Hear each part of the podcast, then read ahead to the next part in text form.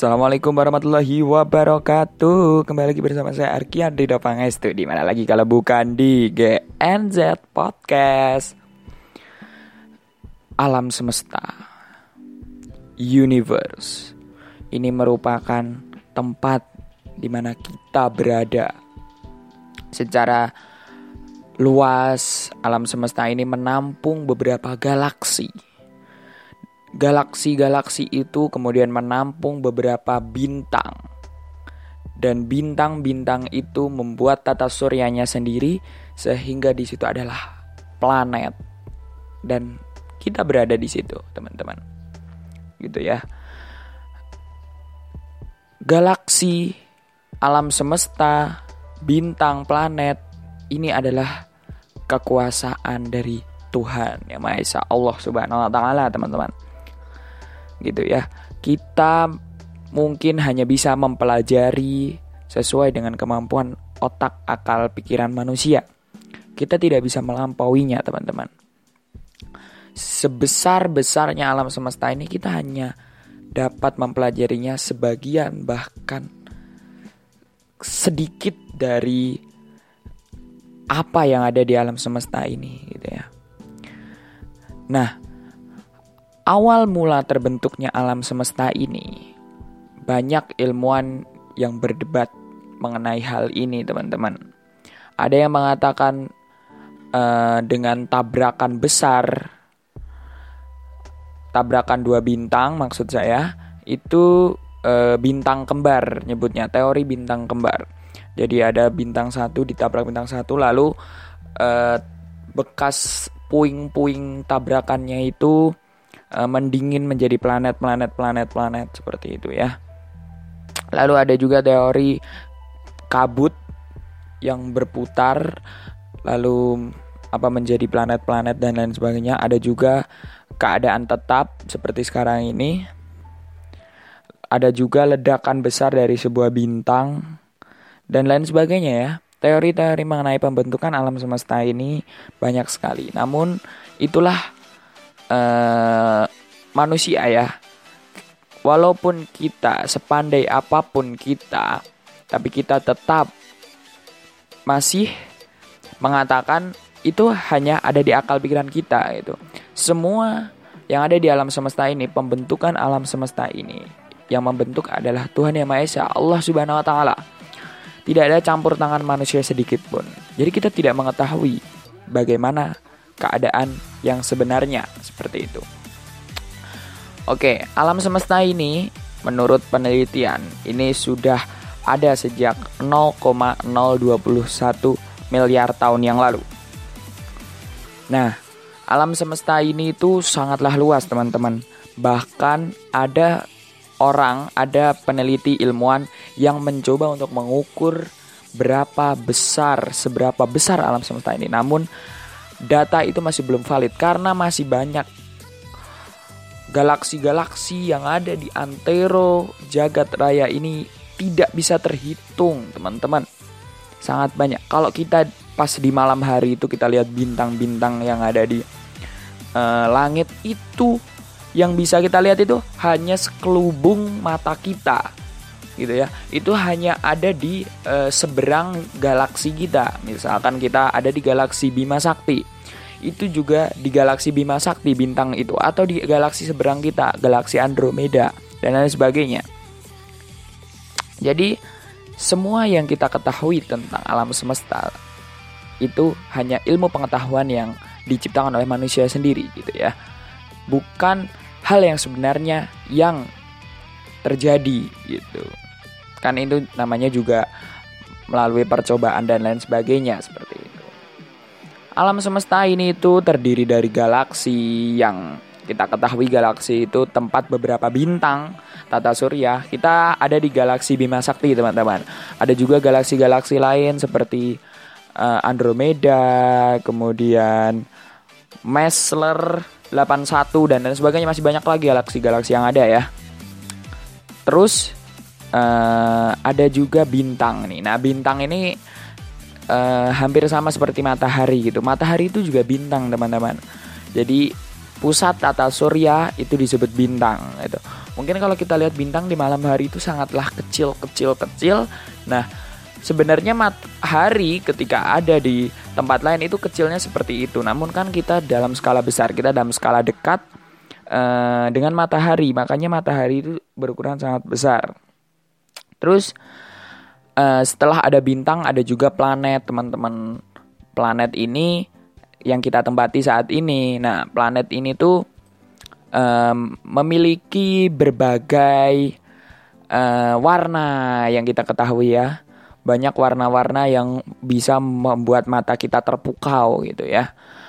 Bumi, terus ada Jupiter, Saturnus, Mars, Venus, Merkurius, dan lain sebagainya yang ada di tata surya kita aja lah dulu ya itu sangat beragam. Ada delapan ya. Pluto belum termasuk karena Pluto itu kecil. Seperti itu. Nah, selain ada uh, yang tadi sudah saya sebutkan, ada juga satelit nih teman-teman. Nah, apa itu satelit? Satelit itu adalah suatu uh, mirip planet ya. Dia itu mirip planet, namun dia ukurannya lebih kecil dari planet dan dia itu mengelilingi planet. Contohnya bulan gitu ya.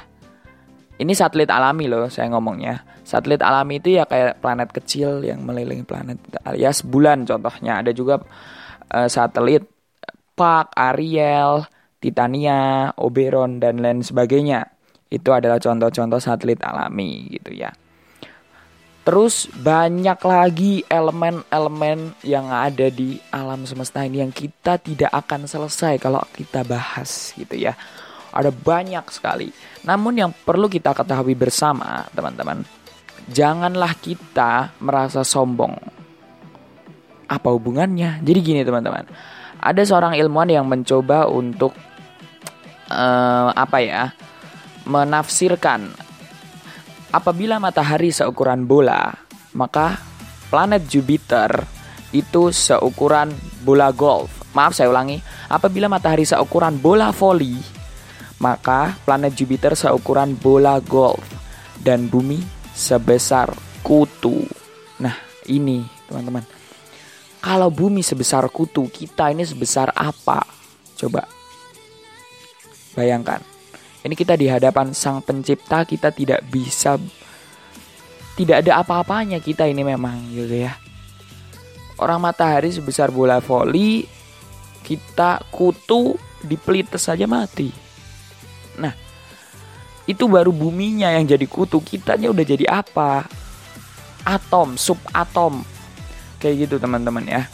Jadi janganlah bersombong ya karena di atas langit masih ada langit orang bilang begitu. Kalau ini kita di bumi ini sebesar apa bumi kita ini ternyata masih ada planet yang lebih besar daripada bumi. Kayak gitu. Bahkan masih ada bintang yang lebih besar daripada matahari. Jadi semua yang ada di alam semesta ini saling memberikan hal positif kepada kita. Semua yang ada di alam semesta ini ada pengajarannya buat kita semuanya. Yang pertama, mungkin planet bumi ini kita bisa tempatin dan lain sebagainya. Mungkin di luar sana ada planet yang juga bisa ditempatin. Makanya orang-orang ilmuwan manusia itu harus mempelajarinya Lalu uh, apa namanya? Kenapa ada terjadinya uh, fenomena alam seperti uh, langit yang berwarna biru, hijau dan lain sebagainya? Manusia harus mempelajarinya. Jadi yang ada di alam semesta ini sebagai pelajaran buat kita semuanya, gitu ya. Entahkah itu filosofinya, entahkah itu ilmu pengetahuannya dan lain sebagainya, kita harus mempelajarinya teman-teman. Memang tidak ada habisnya, cuman sebanyak-banyaknya harus kita cari. Karena nggak ada habisnya itu tadi, kita harus banyak-banyaknya menggali ilmu pengetahuan yang ada di alam semesta ini. Entah seberapa banyak ilmu yang sudah ditemukan, tapi kita harus mencari lagi yang baru, yang baru, yang baru, yang baru, dan yang baru. Kayak gitu. Nah, terus tadi saya sempat ngomong uh, apa namanya, kita belum tahu kita tinggal di bumi, apakah ada makhluk lain yang tinggal di planet lain? kalau kita nonton film film Guardian of Galaxy dan lain sebagainya planet-planet di luar sana itu ada yang menempati. Mungkin, maybe, wallahu alam bisawaf ya. Kita nggak tahu apakah ada di sana. Itu masih menjadi misteri alam semesta ini. Apakah makhluk angkasa, luar angkasa itu ada?